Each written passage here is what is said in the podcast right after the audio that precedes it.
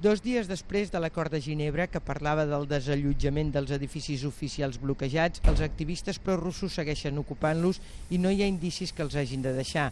Per intentar evitar la violència i desbloquejar la situació, el govern de Kiev ha ofert nous incentius que impliquen més descentralització, com ha explicat el primer ministre Arseni Yatsenyov. El govern d'Ucraïna està disposat a engegar una reforma profunda de la Constitució que assegurarà al poder de les regions. També concedirem un estatus especial a la llengua russa i la defensarem. El canvi d'estatus de la llengua russa va indignar les regions de l'est i el sud del país i ara no és probable que aquestes noves concessions solucionin res. En aquest context ha arribat a Donetsk la primera representant de la classe política de Kiev. Yulia Timoshenko ha parlat de defensa dels drets dels ucraïnesos però també de diàleg.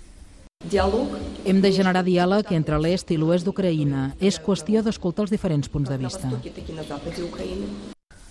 Timoshenko ha manifestat que és necessari venir aquí per entendre la situació.